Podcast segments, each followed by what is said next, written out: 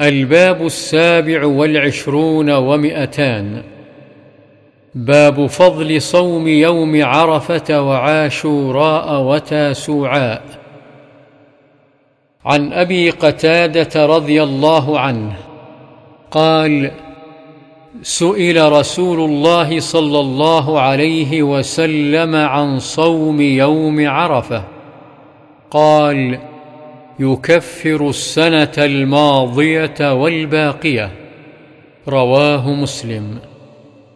وعن ابن عباس رضي الله عنهما أن رسول الله صلى الله عليه وسلم صام يوم عاشوراء وأمر بصيامه.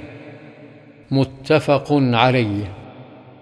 وعن أبي قتادة رضي الله عنه أن رسول الله صلى الله عليه وسلم سئل عن صيام يوم عاشوراء فقال يكفر السنة الماضية. رواه مسلم.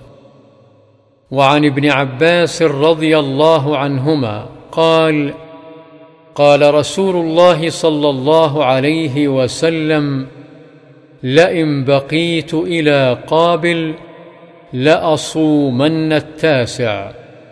رواه مسلم.